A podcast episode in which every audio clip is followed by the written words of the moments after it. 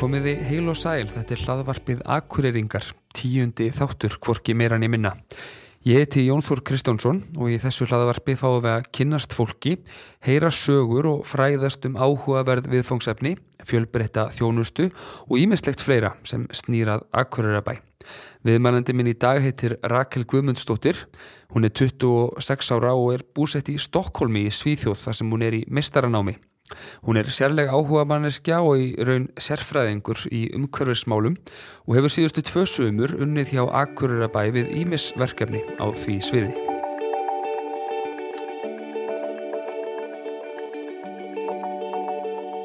Velkomin Rakel. Takk, Hvernig hefur það? bara mjög gott. Þú ert bara að fara til Svíþjóðar eftir nokkar dag. Ég er svona rétt náðið þig bara á hann fórst. Já, ég er að fara bara á föstudaginn út Já. Um, og er sérst bara önnin er bara að byrja í skólanum uh, í lok ágúst. Þannig að, já, Þú ert að læra eitthvað sem heitir umhverfis stjórnmál, satt? jú, þetta er á ennsku Environmental Social Science og þetta er sérst námið er kent á ennsku, er og síðan getur þú sérhæft þig í stjórnmálafræði sem er það sem ég er að gera. En þú getur líka sérhæft þig í mannfræði eða human geography. Uh, sem ég veit ekki alveg hvað er á íslensku. En þannig að þetta er svona frekar þverfaglegt um, en samt svona einblínir á félagslu hliðina af umhverfismálum. Já, emitt. Og ertu í, hérna, er þetta Stokkólms já, háskóli já, já, Stokkólmsháskóli Það er svolítið stór háskóli eða ekki? jú, hann er mjög stór. Um, ég veit ekki nákvæmlega hvað eru margir nefnundur en hann er mjög stór. Og, og uh, COVID og, og allt það, það vantarlega hefur einhver áhrif á, jú, á ykkur eða? sko hafði áhrifin náttúrulega bara í vetur þá fór bara allt var online en núna er, ég held að það verði kent mest á campus og ég er að fara að taka áfanga í Uppsala líka þannig að ég mun taka lestina í klukkutíma á dag Ok. og eins og staðan er núna þá á þetta alltaf að vera kent sko þannig að ég er að vona það bara Já. En þú ert búin að vera hjá okkur hjá Akureyrabæ í sumar Já. Og síðasta sumar líka á, á umhverfis og, og mannverkjasviði og ert búin að vera hérna í svona alls konar umhverfisverkefnum, ekki? Jú, um, í seg, eða seinasta sumar þá var ég fengið fyrst og fremst bara í fræðslu og var þá að setja í rauninu heima sinna mest upplýsingar um umhverfismál, bæði praktísk mál og líka bara einmitt fræðslu um umhverfismál almennt. Uh, svo er ég búin að vera með fræðslu hjá vinnuskólanum líka og er núna í sumar uh, að endurskoða umhverfis og samgöngustefnu Akurabær og er í rauninni að gera nýja ásamt starfsmanni vistorku umhverfis og lofslagstefnu sem er mjög spennandi verkefni. Já, það er sannlega mjög spennandi. Við hérna, nú að spyrja þetta mikið meira um það akkurat, en, en kannski fyrst hérna aðeins að fá að kynast þér meira, mm. persónulega. Uh, er til að byrja einhverstaðar, sko. Uh, hvaðan ertu? ertu? Ertu frá Akureyri eða hvað ertu alveg upp? Jú, ég, semst, mamma og pappi flytja út uh, til Danmörkur þegar ég er tveggjára. Þannig ég býð þar í fimm ár. Þess að flytja frá Reykjavík til Danmörkur. Mm. Uh, býð þar í fimm ár og svo flytjum við til Akureyrar eftir að þau eru bæði búið með nám og þannig ég kem beint inn í annan bekk hérna á Akureyri. Og þau, það er semst mamma sem er ekki eins og frá Akureyri, hún vildi flytja til Akureyrar. Nú, ok. Að Veistu hverju það var? bara alltaf mjög hillu á Akureyri. Ammenna bjóð hérna og bara svona, hún vildi bara flytta til Akureyrar. Og pappi bara, já, þetta og hérna, þannig ég kem inn í Annabekk fyrir í brekkuskóla. Við byggum í möðurallastræti, þannig að þetta var mjög nálagt ég var í þessum skóla, já, í Rósenborg Í Rósenborg, sem við tökum þetta þannig hérna og ég er bara er síðan bara í brekkuskóla hérna, alveg þannig til ég fyrir mentaskóla uh, við flutum í Víðimýri setna, 2006 þannig ég hef alltaf verið að ná brekkunni. Já. um, Þú ert alveg heimaðalli í algjörlega, algjörlega. Og já, svo fyrir ég bara í mentaskólan eftir brekkuskóla. Já. Fær ekkert mikið lengra. nei, fyrir ekki mikið lengra, fyrir upp í káaheimili líka. Þannig já, Ok, eh, fóreldræðinir, þú segir að þau komið inn eftir, eftir nám. Mm. uh, ég bara, hverjir eru fóreldræðinir og hvað eru þau hérna mentuð og, og hvað gera þau? sko uh, þau sérst voru námi úti mamma er svolítið lærði í ymsu mm. um, minnst ég alltaf vera að læra ný, eitthvað svona nýtt og nýtt bara, ó já, eftir leðsumar líka? Svona, Já, en hún var í einhvers konar menningar fræðum held ég uh, í Danmörku. Pappi var í tæknifræði og síðan hérna, mamma var alltaf að vinna í nonnási í gamla dag, þannig ég var líka mjög mikið þar sem krakki fór mikið í nonnahús og minnjasafnið og allt þetta. Og svo byrjaði hann að vinna í neittasamtökunum Já. og er búin að vera þar ég veit ekki hvað mörg ár og er þar ennþá sko. Um, og pappi hefur mestur að vinna á verkfræðistofum og er núna að vinna á vistorku. Einmitt. Uh, og þessi uppvöxtur hérna á neðri brekkunni, getur við sagt akkurat. sko, uh, hvernig, hvernig var hann, hvað hvað fannst þið gaman að gera og, og svona helstu áhuga mál og svo leis? um, sem krakki þá við, mér, ég man bara eftir að hafa verið mest úti hérna í kringum þennan skóla um, ég var í fimmleikum og fótbolta, alltaf í fimmleikum og vitna fótbolta á sumrin, mm. þangað til að ég hætti fimmleikum og var bara í fótbolta um, og var ég held, ég hætti þegar við fórum upp í annar flokka í Þór Káa um, já, og svo var ég mikið á brettum tíma líka Hjólabretti eða snjóbretti? Nei, snjóbretti. Svona úlningsárum. Þá var alveg mjög oft fóru við bara eftir skóla, löpum upp í Hrísalund þar sem að rútan kom. Löpum bara með brettin þangað, tókum rútuna upp í fjall og vorum þar í einhverjum nokkur klukktíma. Já, Og svo reyndum kannski bara allar leina heim. já, það er að- náttúrulega algjörlega það er algjörlega frábært Það er sko. að hérna að hafa þennan, þennan möguleika sko, að geta farið eftir hérna, eftir vinnu eða eftir Já. skóla hvernig sem það er og hérna þetta er svo stutt það er Nefnilega. algjörlega magnað uh, og þú fórst svo segir í mentaskólan á Akureyri Já. og hvað gerir þú þar? Uh, skemmti mér mjög mikið. Já. Um, læriði mikið líka. Ok. Var á félagsfræðbraut og tók svona, fyrstu árin var ég ekkert sérlega metnaða full, eða samvisku sem fannst mér, bara svona, gerði það sem ég skulle gera. Svo í svona þriðja bekk þá fannst svona metnaðan kom alveg algjörlega til mín og uh, fekk eiginlega áhuga á stjórnmálum þá, eftir ég tók bara einn áfanga í stjórnmálafræði, fannst það algjör snilt um, og eftir það ákvað ég, tók mér ár í pásu eftir útskjöðast úr Emma um, bara svona að finna út hvað ég vildi fara að læra og ákvað að fara í stjórnmálafræði síðan eftir það. Og það var eiginlega fyrst og fremst út því mér fannst stjórnmálafræðin í Emma svo skemmtileg. Já, ok. Var það þá einhver svona almennur bara kynningar Já, áfangi eða? þetta var svolítið bara þannig. Bara að fara alveg grunn hugmyndirnar og svoleiðis. Og mér fannst það bara svo skemmtilegt að já, ákvað að fara í stjórnmálafræði í háskólanámi? Já. Já, við deilum eh, áhuga á stjórnmálafræði, við hérna erum bæði útskriður stjórnmálafræðingar úr, úr Háskóla Íslands. Mm hvað varst ég svona, ef þú hugsaði tilbaka, því að mörgum finnst svolítið skrítið að fara í stjórnmálafræði, þú veist, það er ekkit öllum sem finnst það mjög svona, hérna, eðlileg, einhvern veginn framvinda því að stjórnmálur er með svona svolítið leðilegt orð á sér, en það ekki alveg sagt svona heilt yfir og svona umræðan og svona það til að vera alltaf skotagrafa kent og svo leiðis. Hvað fannst þér svona áhugavert? Sko, já, þetta er alveg rétt sem þú segir, ég er mjög, veist, veit ég hversu oft maður hefur fengið spurningu hvað ætlar að gera síðan, ætlar að fara að þing og eitthvað svona.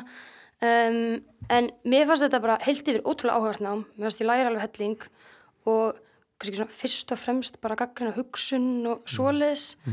Um, en ég fór líka í skiptinám sem mér fannst eiginlega alveg frekar sniðugt og frábært að geta gert. Frekar auðvelt í stjórnmálafræði. Út af því að þú veist það eru bara áfangar kendir kannski úti sem er ekki kendir í HÍ Já. svoleiðis. Mér fannst það vera algjör snild við þetta nám að geta gert. Um, og þar náði ég líka að einblina svolítið á umhverfismálun Já. sem að þótt að sko HÍ hafi búið upp á fullt af ótrúlega áhugaðurum áfengum þá voru þeir ekki að bjóða upp á beint áfangatengda umhverfismálum. Mm. Um, þannig ég gæti gert það þegar ég fór í skiptina Hvert fórstu í skiptinu? uh, til Svíþjóðar, uh, ég var í Lundi Já, já, já. tók eina önn þar og þá gæti ég alveg bara svona þá styrði ég náttúrulega algjörlega hvað áfanga ég vildi taka og gæti tekið í rauninni bara áfangar sem tengdust umhverfismálum náðu svona sérhæðum upp pínu Einmitt. Manstu hvernig það var sem þú fegst svona raunverulegan áhuga á umhverfismálum? um, Fyrst? sko já, ég eiginlega man alveg svona hvenar þetta kom svona til mín svona sjálfstæður áhugi en ég held að sko ég hafi alltaf haft ómeðvitað áhuga á þessu bara út af hvernig ég er alveg upp. Ok. sem ég segi mamma var að vinna í neitinsamtökunum alltaf og hafði mjög mikið áhuga og hefur mjög mikið áhuga á umhverfismálum. Og hún hefur alltaf lagt svolítið mikla áherslu á umhverfismál og þá náttúrulega alltaf út frá neitindanum var að skrifa greinar í neitindablaði sko fyrir 15 árum um matarsóun og pálmólju og eitthvað svoleiðis. Um, og svo taka fóreldra minni til dæmis þá ákverðun að sérst, deila bíl með annari fjölskyldu þegar ég er á úlingsaldri sem ég fannst náttúrulega ótrúlega hallæðislegt á þeim tíma. Þetta var vægt svolítið aðtigli Já, þetta gerði það sko. Þetta er náttúrulega kannski mitt á Akureyri þar sem oftast eru fleiri en einn bíl á heimili sko að þau bara ákveða þetta sé búið að sniða upp að deila bara bíl og þá voru bara fimm dagar í einu og svo var hinn fjölskyldað með fimm daga. Þannig að já, mér fannst þetta, ég skammaðist mín alveg stundum sko bara já, Rakel, getur þú verið á bíl núna? Bara, nei, æ, þú veist, hinn fjölskyldan er með bílinn. En svo í dag er ég mjög stolt sko. Já. þú veist, núna finnst mér bara geggja cool og er mjög ána að hafa verið alveg upp við það að bara trist ekki á engabílinn og ég hef aldrei átt bíl, þú Einmitt. veist. Þannig að enda ég tók ákvörðun ekkert um hann þegar ég var 18 ára. Fyrsti bílinn sem ég myndi kaupa væri ramagsbíl og ég hef náttúrulega ekki haft efna á því eða þörf á því. Þannig að ég er alveg ána með það í dag sko. Um, en svo já því þú veist, í rauninni þessi sjálfstæði áhugi kemur held ég svona í mentaskóla fjóruðabæk kannski. Um, ég tók ákvörnum að hætta bara kjöt og það var fyrst og fremst út af því að ég var eitthvað svona fann að hugsa að ég held að pepperoni var ekki að hafa góð áhrif á magan minn og eitthvað svona bara, ég veit ekki alveg hvað ég var að hugsa. Já, sem er bara alveg eðlilega pæling Já, akkurat, bara eitthvað svona. Og þá fer ég bara að googla og skoða og svo bara, hó, ok, já, svo hefur þetta svona slæm áhrif á umhverju líka mm. kjötiðnaðin og mér fannst þetta bara svona magnað að ég væri aldrei búin að heyra neitt um þetta enginn talað um þetta en greinilega að kjötiðnaðin hefur svona hreiklega slæm áhrif á umhverjuð Já. og þá, ég manalvi, ég tók bara svona ákvörðun nei, ég ætla ekki að vera partur af þessu Einmitt. ég ætla bara einhvern veginn svona eftir einhver ár þegar þetta allir vita af þessu þá mun mér bara finnst gott að ok, ég var allan ekki að bóra kjött Já. og svo bara þróaðist þetta svo horfði ég á heimildamind sem heitir Cowspiracy og hún hefði rosalega mikil áhrif á mig. Ég var alveg bara svona fyrir mjög miklum áhrifum og ég held að mjög margir verði það líka sérstaklega þessum aldrei að þú veist, stundum það bara svona eina heimildamind til þess að raunverulega kveikja einhvern áhuga. Já. og það alveg gerist klárlega hjá mér sko. Ég man nú ekki alveg hvernig svo mynd, mynd kom út en þú segir að þú varst kannski 2015 held ég. Já, þú, varst þannig í hérna, fjóruðabekki Emma eitthvað svo leiðis eða sendibartin í Emma. Mm. það er einhver hvað, þú hvað 26 í, Í dag, já. kannski 6, 7, 8 ár síðan eitthvað, þú vorst svona að pæla í þessu raunverulega. Maður er svo fljótur að gleyma maður átti að segja ekki á tímilínunni í þessu þá. Voru það margir þessu í kringu þig að pæla mikið í þessu? Mér er svo stutt síðan að í raunverulega var svona mikið í umræðunni að, að flokka og, og hérna, kannski sérstaklega varðandi sko dýraafurðunar Já. og, og það. Já, nei, það var alveg klárlega gert mikið grín að mér sko. Ok, þú veist, þannig að ég var alveg ein um þetta. Um, og einmitt í dag eru sjámargir eftir því bara að hafa gert grín af þessu sko. En það er alveg rétt hjá þér, þetta er búið að breytast mjög hratt sem er náttúrulega bara mjög gott líka og sýnir bara hvað hlutnir geta breyst hratt. Um, en nei, það var ekki mikið, mikil svona vitundavakning um þetta á þessum tíma sko. Um, það verður ekki verið mikið svona í, í Emma, alltaf alls konar, alls konar félög í mentaskólanum og, og svo leiðis og, og hérna, en það verður ekki verið svona umhverfisreyfing allavega ekki þá, ég held að það sé alveg í dag. Já, örglega í dag, nokkuð vissum að sé í dag, en það var ekki þá. Um, þannig já, svo bara þróaðist einhvern veginn þessi áhugi yfir í alls konar, af því að þetta er náttúrulega svo ótrúlega breytt svið. Um, þú veist, ég fór úr því að hafa geðugan áhuga á þessu kjötunum, vera rosalega mikið að fókusa það, um, yfir í bara matarsóun almennt. Þegar ég fór hérna í skiptinámi til Svíþjóðar, þá bjó ég fyrsta mánuðin með fimm öðrum námsmönnum. Og þeir voru öll eiginlega græmmiðsætur sem var bara eiginlega fyrir svo slisni um, og einn þarna var sagt, svona rosa yktur í þessu og var sagt, að dömstedæfa það er hérna bara þú ferð í ruslin hjá fyrirtækjum eða hjá maturverslunum og bara ferð og finnur mat sem er í lægi með og tekur hann. Um, hann fór sér þetta hverju kvöldi í búðinar ok. hann nálagt og bara fann alltaf eitthvað. Og þú veist, þegar ég kom inn í þetta hús það var matur út um allt. Og ég skildi ekki hvaðan þetta kom. Og mér fannst þetta ógæslega áhugavert þannig ég var bara ok, þú ert að fara að taka mig með skiljur þannig Já. við fórum nokkur á hjólunum og, hérna, og hann síndi mig bara öll bestu ruslin í bænum. Og þú veist, við tókum bara ógæslega mikið af bara mat sem var fullkomlega í lagi með. Já. mikið brauði, mikið græmiti og svo leiðis og þú veist, þá fór ég raunverulega að pæla svona í þessari matarsóun og hjá um eitt fyrirtækjum, ekki bara hjá okkur sem einstaklingum heima. Og ég gerði þetta síðan bara eiginlega útskiptin á mið um, fór, þurftur ekki að kaupa þér mat? Nei, ég rauninni fór alltaf sko áður en ég fór í búðina þá fór ég og tjekkaði á ruslinu. Og síðan það sem að ég fann ekki í ruslinu þá gæti ég kipt það í búðinni. Mjölkuvörur eða eitthvað svo leiðis Þetta er náttúrulega, þetta er mjög áhugavert sko, þetta hefur svona komist aðeins í, í fréttir og svona, þú veist, mm -hmm. menn hafa verið að gera þetta og, og hér, til dæmis á Íslandi og, og hérna, komið svona nokkuð þekkt dæmi sem hafa ekkert verið sérstaklega góð fyrir fyrirtækin Nei, sem eiga í hlut. Og, og þetta, náttúrulega, hérna virðist vera, náttúrulega allt í lægi með hennar mat, þú veist, það er ekkert að þessu.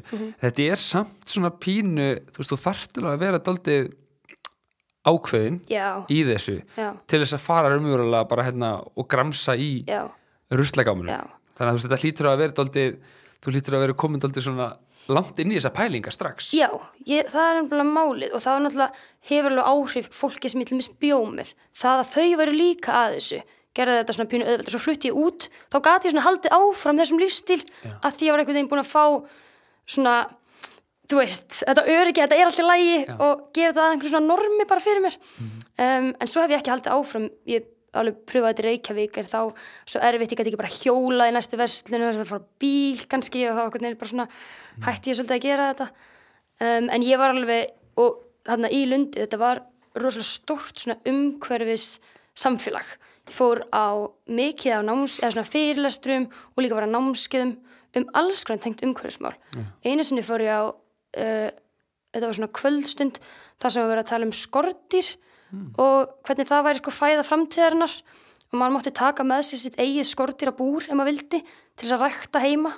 Nú veist, sem ég gerði ekki sko. En þetta var alveg svona, það kom frekar langt í þessar pælingar. Um, sem ég fannst bara algjörlega geggja því ég var fyrir miklum innblástur af að búa þarna sko. Já, ég ætla að segja, þetta, þetta hljómar mjög mikið eins og þessi dvölðin hann í Lundi hafi haft alveg frekar mikil áhrif á þig. Já, og ég held ég að farið alveg svona á akkurat réttum tíma og náði einhvern veginn að taka það sem ég lærði þarna og það bara svona halda áfram pínu með það. Um, og ákvað náttúrulega beint eftir þetta að skrifa allir með spjaritgerna mína um umhverfismál. Já, þannig að og svo eftir spjanámið að fara í umhverfisfræði að akkurat. Já, Bjerit gerðin, hún hérna hún vakti dálítið aðtegli og, og þú fekk sér satt velun mm. félags stjórnmálafræðinga fyrir, fyrir þá reitgerð Já. uh, um hvað uh, fjallæðun, er ekki titillin gerir margt smátt eitt stort Jú. Um, hún fjallar í rauninni um sagt, vistvæna neyslu hyggju í rauninni bara þetta heitir green consumerism á ennsku um, og bara hvort að það sé uh, eitthvað sem er að fara að breyta heiminum að einstaklingarnir fara að neyta meira vistvænt. Og neyðustæðan í rítkenni var bara í rauninni nei. Um, og rítkennin fjallar svolítið bara um það hvernig stjórnvöld hafa svolítið verið að íta undir þessa vistvænu neyslu einstaklinga, gera einstaklinga pínu ábyrga bæði fyrir lofslags vandanum og síðan að leysa hann. Og þá að leysa hann með því að halda áfram að neyta en bara svona aðeins umhverfisvætni vörur. Já. og um, já eins og ég segi í rauninni var niðurstæðan í rítgerni bara að það er ekki að fara að bjarga heiminum. Og ég fer yfir ímissar ástæður fyrir því. Það sem ég fannst svona merkilegast og ég læriði mest af rítgerni það var uh, þetta sem heitir rebound effect. Og ég er ekki vissum að það sé til á íslensku orðið en ég kallar þetta endurkasts áhrif Ok, um, sem að er svona pínu þetta að þegar einstaklingar í rauninni gera eitthvað umhverfisvænt eins og ég til mér hætti að borða kjött þá bæta það kannski upp fyrir það með einhverju öðru. Eins og ég borða ekki kjött en ok, þá leifir mér að fara til útlanda aðeins oftar. og þetta er mjög algengt í svona hegðun fólks. Kaupir er sparneittnar í bíl þá keirur bara miklu meira. Um, mér varst þetta mjög áhugavert. Já. um, Þetta engi örgulega margið við þetta Já, sko. ég held það nefnilega. Og ég skoðaði þess að ég var bara mjög heppin að ég fekk gögn uh, frá kennara í háskólanum sem var að vinna rannsókn á svona hegðun Íslendinga um, og ferðavenju og svoleiðis og svona umhverfishegðun í rauninni. Og ég bara fekk aðgang á þessum gögnum og mátti nota þau eins og mér síndist um, þannig ég gat skoða svolítið svona viðhorf fólks til umhverfismála og með við þessar, þessi gögn allavega þá virðast flesti vera mjög upplýstir um umhverfismál, vilja gera betur. En svo þegar kemur að hegðunni sjálfri, þá er menn kannski ekki alveg þar um, sem ég finnst ótrúlega áhugavert. Og það er líka þar sem að í rauninni stjórnmálinn koma svolítið inn sem ég finnst áhugavert Þannig þú í rauninni svarið við þessu sko gerir margt smátt eitt stórt, það er alveg bara nei Það er eiginlega bara nei. Er það já. ekki eitthvað sorglegt? Jú, það er náttúrulega mjög sorglegt, sko, en þú veist, í rauninni um, það sem að já, nei, í rauninni vandamáli er kerfið og það þarf að breyta kerfinu, ég er alveg Já, þar sko. já. en ég held að sko, við sem einstaklingar eða sko við sem neytendur erum ekki að fara að breyta hlutunum Nei. ég er svolítið komin þangað Ok. en ég held að við sem sko aktivistar og það hvernig við kjósum geti breytt Mhm. hlutunum. það að við tökum þátt í lofslagsmótmælum og svoleiðist, þannig höfum við raunverulega áhrif, frekar heldur en sko hvort að í rauninni já, hvernig við neytum. Hvort að við kaupum eitthvað plastrur eða ekki. Um, og það er pínu hættulegt held ég þegar umræðin fer svona rosalega mikið út í bara neytendur hvernig við erum að neyta. Held að við þurfum að hugsa aðeins stærra. Já, akkurat, ég held að þetta sé eitthvað sem mjög margir eh, tengja við til dæmis bara hér á Akureyri um til dæmis hérna á Akureyri þá er mikil áhersla á flokkun. Og þú veist það er orðið svona, það er alveg normalisera bara að það flokka allir. En á sama tíma er maður alltaf að hugsa sko, þú veist, við erum hérna örfá hræður mm. og þú veist, hverju getur maður breytt? Og maður ekki skilja að leggja þetta aldrei mikið á sig sko, þetta er alveg mikil tími sem fer í það að hérna, þvó hellinga einhverjum plastumbúðum og einhverjum svona Akkurat. svo hugsa það að læðist alltaf ammanni aftur Mhm. hérna, þessi grunnur sko um að þetta sé sé kannski pínu tilgangslust að hljóta allir að hugsa það einhvern tíma. Já, eða flestir. Um, en þú myndir ekki ráleika fólki að hætta Nei, þessu nei, nei, alls ekki sko. Og ég geri allt sem ég get í rauninni til þess að lifa einhvern veginn umhverfisvænu lífi að því að auðvitað er það líka bara þannig samfélag sem við viljum búa í. Nákvæmlega. sama hvort ég sé að fara að bjarga heiminum með því að flokka eða ekki. Um, og auðvitað er það alveg þannig að við, veist, maður getur haft áhrif. Ég veit alveg það að það að ég hef hægt að borða kjöt og ég flokki og einblýsut á þetta, ég er alveg búin að hafa áhrif á þeirra auðvitað hefur maður alveg áhrif. Um, en eins og ég segi þú veist, maður breytir kannski ekki alveg heiminum. Um, en ég held þú veist, með því að við séum að flokka og gera einhverja kröfur líka þú veist, já, ég held að með því að við flokkum og við gerum alltaf, þá getum við líka sett aðeins meiri kröfur á stjórnvöld. Akkurat. að við viljum hafa gott flokkunarkerfi og það er sem veginn hlutinir held ég breytast. Já. og þú veist, eins og, já, fyrir mig þá þegar um, Greta Thunberg kom fram og þessi lofslagsmótmæli og það allt fyrir gang það var svona fyrir mig svona, já, ok, núna loksins get ég haft ykkur áhrif. Já, þú veist, ég ætla að mæta þetta og gera skilti og eitthvað. Og ertu búin að vera virk í því? um, Nei, ég mætti bara þegar þetta byrjaði hérna á Íslandi þá mætti ég alveg strax í skiltagerð og mætti á fyrstu mótmælun og allt svoleiðis. Uh, svo er ég búin að mæta nokksinum í Svíþjóð hún ætla að byrjaði þar. Þannig að mér varst það alveg ógeðslega spennandi. Um, og ég er búin að mæta nokkur sinnum og einu sem það var þegar svona stærstu mótmælum voru og ég held að það hafi verið 100.000 manns í Stokkólmi það var alveg of mikið, bara ég vissi ekki alveg hvað þetta að gera um, þannig, og ég ætla alveg að halda áfram að gera það sko þegar þetta COVID ástand kannski hérna, fyrir aðeins að lægja á því. Heldur að uh, ungt fólk, fólk á, á þínum aldrei hugsa þessar hluti mikið öðruvísi en, en þeir sem að eldri eru eða heldur að svona þessi já, vakning sem hefur orðið hérna nái yfir bara allt samfélagið eða heldur að sé einhvers mikill aldursmunur?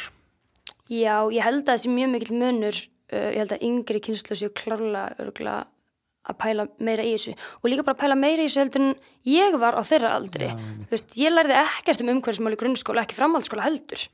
Þannig það er klárlega mjög mikil breyting. Það er verið að kenna, nú bara þekkið ekki en mig grunar að sé kent eitthvað um umhverfismál í leikskólum. Aha.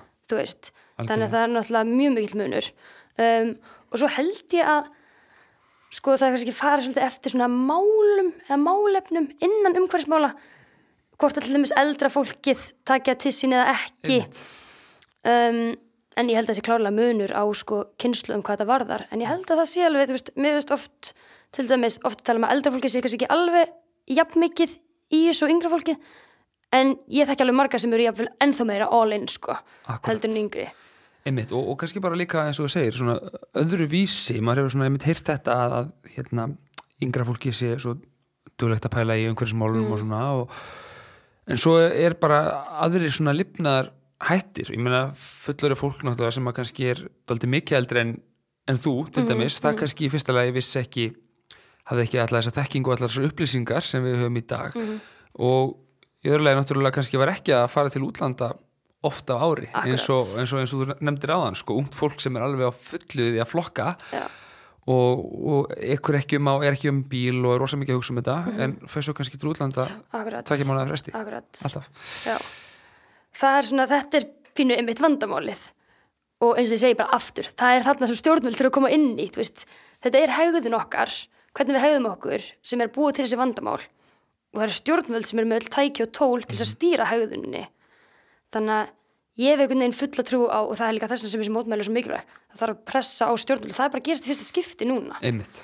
Og það líka bara sýnir sig þú veist, ég reynir alltaf að lifa eins umhverfisvæðinu lífi og ég get en það er mjög mismjöndi hversu umhverfisvæð lífstillin minn getur verið eftir bara hvar ég bý. Akkurat. Þú veist, ég, þegar ég er á Akureyri þá get ég flokkað allt. Ég get flokkað lífrænt, ég get hjólað. En svo þegar ég er í Reykjavík þá bara ég hef ekki eins og mögulegan á að flokka lífrænt. Mm. þú veist, ég bý einhver staðar þar sem ég get ekki hjólað bara í búðina og tilbaka. Þannig að veist, það þarf líka einhvern veginn að búið til skilirðin og rammana til þess að fólk geti lifað þessu lífi. Og eins í Stokkólmi, þú veist. Auðvitað hjóla ég eða nota lestina af því þannig bara er búið að búa til einhvern veginn. Þannig virkar Já, samfélagið. akkurat Akkurat, en þú veist, fyndið og nefnir sko, hérna, ekki fyndið, bara áhugavert og nefnir flokkunina, þú veist, það er mjög skrítið að það sé ekki eins flokkuninkerfi bara um all land Já. á Íslandi. Já, Þessi pínulitla þjóð, við erum bara með nánast sko 71 eh, hérna, eina mismunandi aðferði að flokka, Akkurat. bara eini hverju sveitir. Já. Það hlýtur að vera daldið svona skota skokku við. já, þetta er náttúrulega bara mistök að hálfu stjórnvalda að hafa haft þetta svona.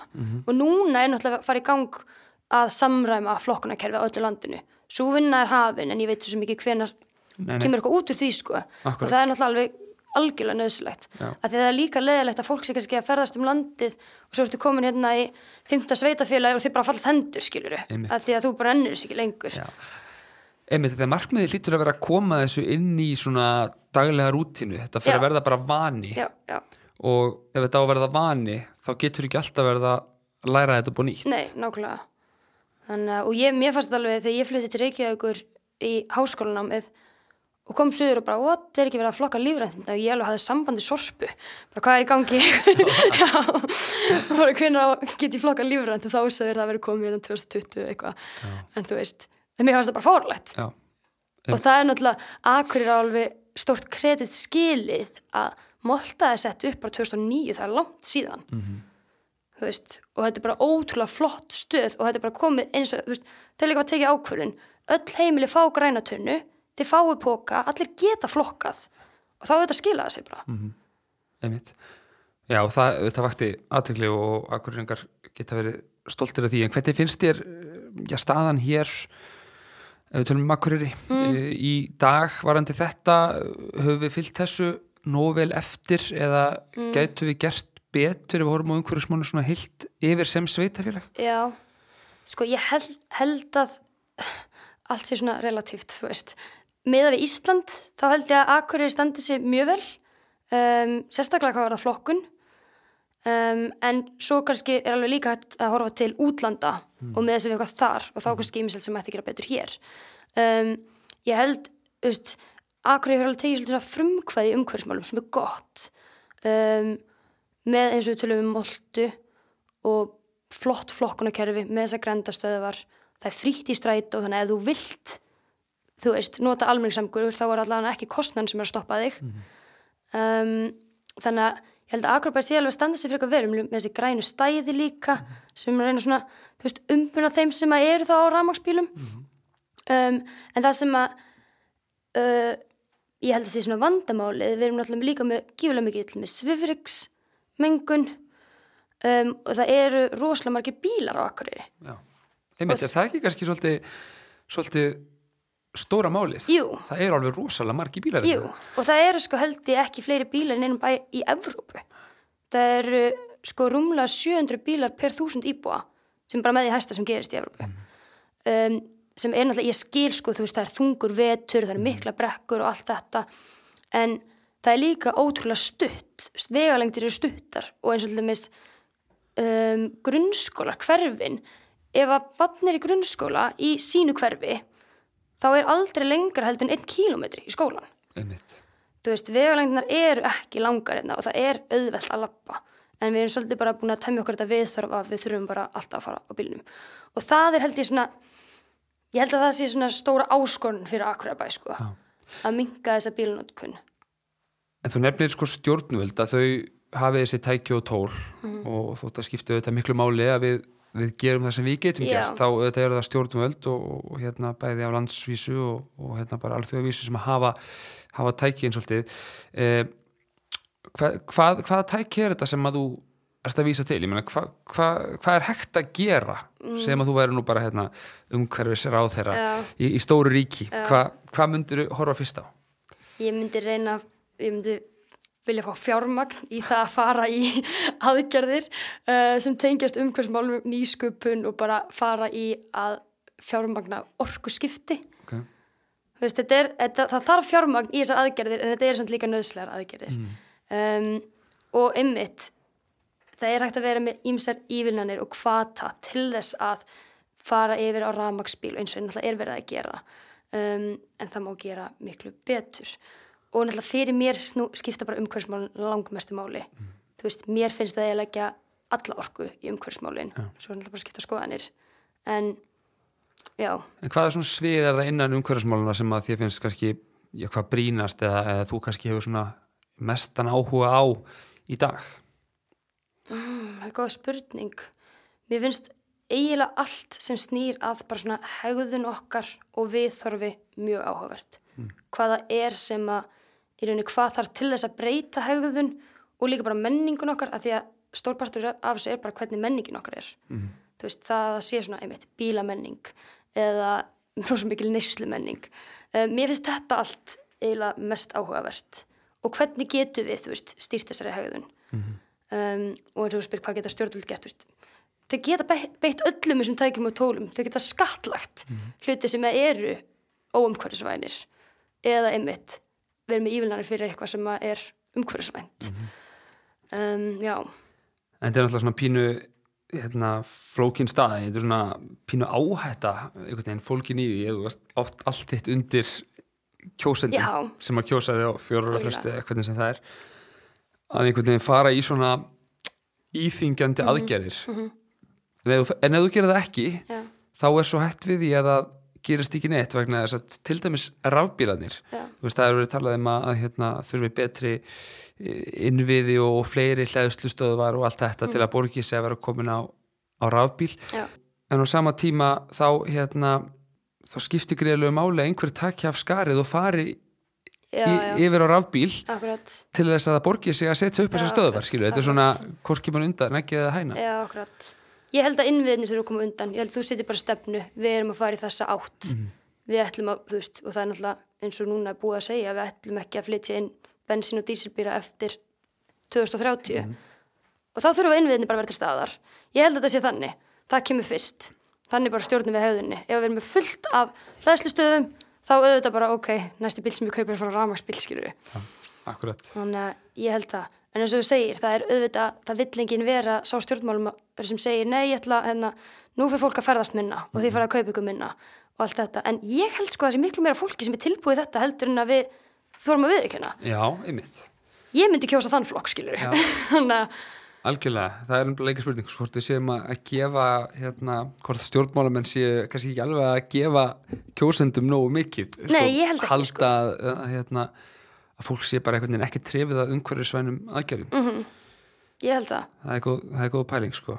uh, Tölum aðeins meira um, um þig og svona hvað þú ert að, Mm. að, að brasa uh, Lífið í Svíþjóð, hvernig, hvernig er það? Það er mjög gott. Eins og ég sagði áðan, þá fór ég uh, til Lundar hana í skiptinám og það var ótrúlega skemmtilegt. Þá eiginlega svona vissi ég að ég myndi alveg hugs, geta hugsað mér allavega að fara aftur til Svíþjóðar uh, í mastersnám.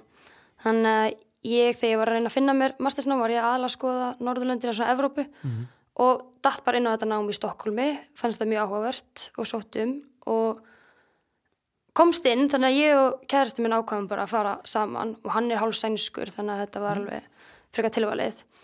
Um, og okkur liði bara mjög vel hana uh, Stokkólm er frábær borg og ég hef aldrei, hafði aldrei farið áður sko, finn ég bara flutti. Og margt sem er mjög svona líkt við Ísland sem komið svona pínu óvart, þú veist, það er vetur og svo er kannski meira sumar heldur en hér. Uh, það verður dimmt, frekar snemma mikil náttúra allstæðir kring.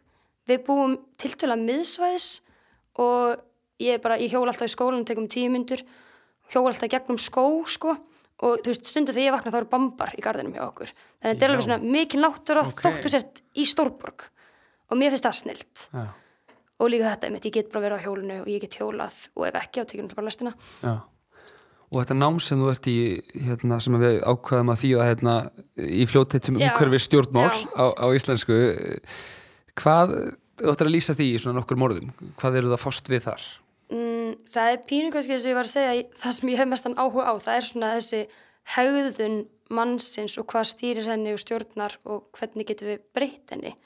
Og eins og ég segi, þetta er þú veist þvarfa, þverfagilegt þannig að þú getur verið að uh, einblýna á mannfræði eða human geography eða stjórnmálafræði. Og þá í mínu tilviki að því að ég er að sýrhafa mjög stjórnmálafræði þá er þetta náttúrulega mikið alþjóða samskipti og samningar sem eru gerðir á alþjóðastígi um, en líka alveg bara á lokal leveli og við erum að taka pínu hagfræði, þú veist, hvernig getum við stýrt þessari hegðun?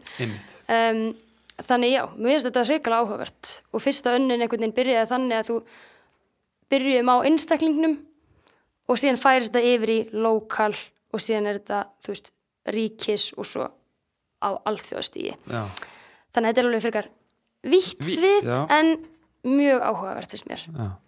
Og í þessu námi eru, eru þið mörg saman og, og jafnvel frá mörgum, mörgum löndum Já, við erum frá uh, nokkrum löndum uh, nokkuð margir svíjar líka en við erum bara 20 held ég. Uh, sem er mjög þægilegt. Þá er þetta svona já, um eitt lítill hópur og frekar náinn samskipti líka við kennaran og mjög mikið umræðutímar. Mm -hmm. auðvitað einhverju fyrirlestra líka en þetta er langmest einhvers konar við með kynningar eða fyrirlestra eða umræður mm -hmm. mér styrir að læra mjög mikið af því líka og þetta er pínur svona öðruvísi uh, náttúrulega bara svona kennslu formheldur en til með séu vön í HÍ Ok, hvernig það? þannig að uh, til dæmis þetta sko að þú veist þetta eru meiri umræður og maður þarf svolítið alltaf að vera þú veist að maður er örugglega með kynningu hver, hverju viku Já. um eitthvað um, neða einmitt í HÍ og þetta er stærri bekkir meiri bara fyrirlestra og svoleiðis um, og mér finnst þetta henda mér betur. Mér þetta og sérstaklega með bara það sem ég er að læra. Svona seminars eitthvað sem þið eruð að, að hérna, fara yfir einhver ákveðin mál og, og, og svona fara svolítið á dýftina. Akkurat, og náttúrulega ótrúlega skemmtilegt að það eru krakkar með mismunandi bakgrunn, sumir alveg á fullu í einhverjum umhverfis félagsamtökum í Svíþjóð og svoleiðis. Akkurat. Eitt sem er vinur Gretu Thunberg sem er bara geggjað. Já, ertu ekki til að hitta hana? Nei, mér langar svo mikið. Þú lítur ekki að það komið því í kring. Já, ég veit að ég mun reyna það á þessu ári, sko. Það væri, það væri mjög skemmtilegt. Já, Uh, já, einmitt, svona bakgrunnin, hann náttúrulega er hérna, það er kannski svona svolítið skemmtilegt við svona hérna nám í, að fara út í nám í, í stórum skólum, þar sem eru hérna fólk frá alls konar löndum að að maður læri nú ekki síðu mikið á því að vera í samskiptum og læra með fólki sem er sko með allt annað bakgrunn en maður sjálfur. Nákvæmlega, það er mjög áhugavert. og örglega sko varandi umhverfismálin og, og svona innviðir og hversu mikið að pælt í umhverfismálum lítur að vera mjög mismunandi eftir, eftir stöðum. Algjörlega, það er það sko. Og ég hef sagt til með skrökkurum sem er mér í bekk bara, þú veist, frá Moltu hérna á Akureyri, sem nefnir það aftur. Og þú veist, það finnst það bara stórmerkilegt. Og, og almennt sé líka bara margt á Íslandi sem er að gerast sem að krökkurum úti finnst mjög merkilegt eins og Ok. þetta carbon capture hérna, sem er með, þú veist, það var alveg bara fór heil tími í vetur, bara að tala um það Já. þetta sem er að gerast á Íslandi einmitt, sem ég held að Íslandingar gerir sér ekki eins og grein fyrir Nei. hvað er ótrúlega merkilegt sko um, en jú, og maður er að læra svo margt mismunandi, þú veist, í Svíþjóð er að díla við til dæmis kjarnorku, sem er eitthvað sem ég hef aldrei eins og þannig sé pælt í af því að við erum bara hér með okkur sjálfbúrorku þannig að ég er að læra alls konar bara einmitt líka bara frá bekkjafjölugunum og hvað þeir eru að pæla. Já. En eru við, ég meina, Íslandingar allar aðstæður okkar meina hvað við erum fá og, og ríka af þessum öðlundum og, og svona þessi möguleika til sjálfbærni ég meina þetta hlýtur að vekja svolítið aðtekli þegar Já. þú ert að segja fólki frá því hvernig við hérna hittum húsin okkar og, og allt þetta. Jú, það vekur mjög mikla aðtikli og er náttúrulega stórmerkilegt í sjálfum sér. Um, og það er náttúrulega eina í rauninni sem að skemmir kannski fyrir okkur er bara hvað við erum reikla neyslufreg þú veist að því við erum með alla innviðina og allt til þess að hafa þetta svo frábært. Um, en svo náttúrulega eðlilega við erum eiga allansafi og við þurfum að ef við viljum komast eitthvað og allt þetta. Um, og ég hef líka alveg vinið mínir úti hafa alveg sagt bara af því að þið eruð eiga þá finnst mér alveg að ég skili þú veist, þeir rétt á aðeins fleiri flugferðum heldur en önnur lönd og eitthvað svona, ég bara, já. ok en þannig að, jú, fólki finnst þetta mjög merkilegt Já, já aðstæður er náttúrulega bara, er bara mjög mismunandi já, sko. auðvitað uh, En þú hefur verið hérna eins og við sögðum áðan í byrjun vittalsins hefur verið hérna síðustu tvö sumur Mm. hjá, í vinnu hjá Akureyrabæ á umhverfis og, umhverfis og mannverkasviði já. uh, Hvað ertu svona búin að vera að gera helst til í sumar? Uh, í sumar er ég búin að vera að vinna mest í umhverfis og lofslagsstefnunni og eins og ég sagði þá er sagt, til umhverfis og samgöngustefna Akurabæðar og við erum í rauninni, sagt, ég ásamt Hildi Maríu sem er uh, stafsmæður Vistorku erum í rauninni að endur sko þessa stefnu og bæta við líka svona lofslagsstefnu og já, bara hrikala spennandi verkefni. Gaman að vera með svona pínu frjálsar hendur um, hvað þetta varðar og nýta einhvern veginn bara það sem maður er búin að læra. Eh, eins og við erum allan að sjá þetta fyrir okkur þá er stefnunni bara skipt upp í ákveðna málaflokka sem að skipta kannski mestu máli þegar kemur um hversu loftasmálum og það eru samgöngur og orkumál og síðan úrgangsmál og sorpmál um, og þetta eru kannski svona loftslagsmálin, svo eru náttúrulega líka loftgæði, svifrik og líka bara það að við viljum vernda þau grænu svæði og efla þessi grænu svæði sem við erum með uh, hérna á Akureyri. Og þannig við erum rauninni að sjá fyrir okkar þessi stefna sem er til lengri tíma tíu ári jafnvel. Um, svona, já, og líka erum við að gera, eða við erum ekki að gera heldur þar, það þarf að, setja stefnu í bara aðlögun að lofslagsmálum Einmitt. Er þetta hérna framkvæmda áallun eða aðgerða áallun og, tímasett og, og svoleiðis? Já, þetta er stefna sem er kannski svona meira almenn og síðan er aðgerra áallun bara mjög nánar aðgerðir eða svona, já, nákvæmar aðgerðir meina ég um, sem eru þá til styrtri tíma Þetta væri, myndur þú að þetta væri metnaða fullt? Ég myndi segja það sko eins og þetta er, já, ég myndi segja þetta verið mjög metna full og ef að þetta ef að það verið farið í allar þessar aðgerðir um, þá myndi það klárlega bæta lífskeiði og umhverfi akkurar þannig að já, ég vona að þetta bara svona nái fram að ganga sko Já. En hvernig er það fyrir þig sko verandi hérðan og fara síðan og læra og, og sérhæfa þig svolítið í þessum málum og Mm. koma svo í, í heimabæin og, og fá að vinna verkefni eins og þetta? mm, mér finnst það bara og mér finnst það bara geggjað um, mér finnst þetta rosalega skemmtilegt og áhugavert og ymmit bara frábært að geta gert þetta í heimbænum mínum sem ég líka er pínu stolt af sko út, frá, út af umhverfismálum en geta samt gert eitthvað til að bæta það. Mér finnst það alveg mjög skemmtilegt. Og bara mjög góð reynsla fyrir mig líka verið að læra þetta um, að fá einhvern veginn tækifæri til þess að vera að vinna við það sem ég er að læra og hef geðugan áhuga á. Já. Þú hefur líka verið að vinna í sko fræðsluefni og reyna að koma upplýsingum um umhverfismál betur á framfæri. Já, Um, hvernig stöndum við okkur í því að, svona, að koma þessu til skila sem við erum og er verið að gera hérna í þessum málum? sko ég held að það sé alltaf hægt að gera betur um, það er náttúrulega fræðsla í gangi alltaf í grunnskólum og svoleiðis ég held að það mætti alveg vera meiri fræðsla líka bara svona hvað segir maður, svona bara hands-on fræðsla í fyrirtækjum og svoleiðis. Ekki bara endilega fyrir yngri kynnslóðunar, heldur líka bara að fræða það sem eru eldri. Einmitt. um, þannig að það er vonandi eitthvað sem verður gert meira af. Um, og líka bara hafa upplýsingarnar aðgengilegar. Ég held að það sé mjög mikilvægt. Og það sem ég er í raunin að vinna núna er að hafa þetta aðgengilegt á netinu mm til að byrja með. Og svo getur maður bara séð hvað er að virka þú veist, hvað ekki Einmitt.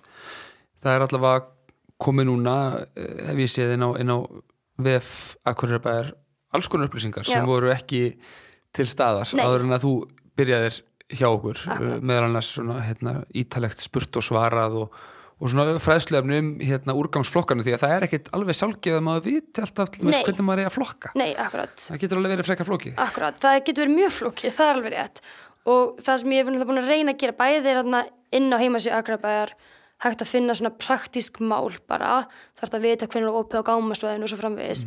En ef að þú vilt vita hvað verður um þennan bylgjupappa þá getur þú fundið þessar upplýsingar líka að henni Já. um, þannig að það er alveg frekar mikið af upplýsingum uh, sem hægt að sækja sér um um mitt umhverfismál og já, allt þetta. Já, einmitt og þú, þú leggur þetta mörgum í, í þessari vinnu í að svona koma grænu akureyri enn betur á kortið Já.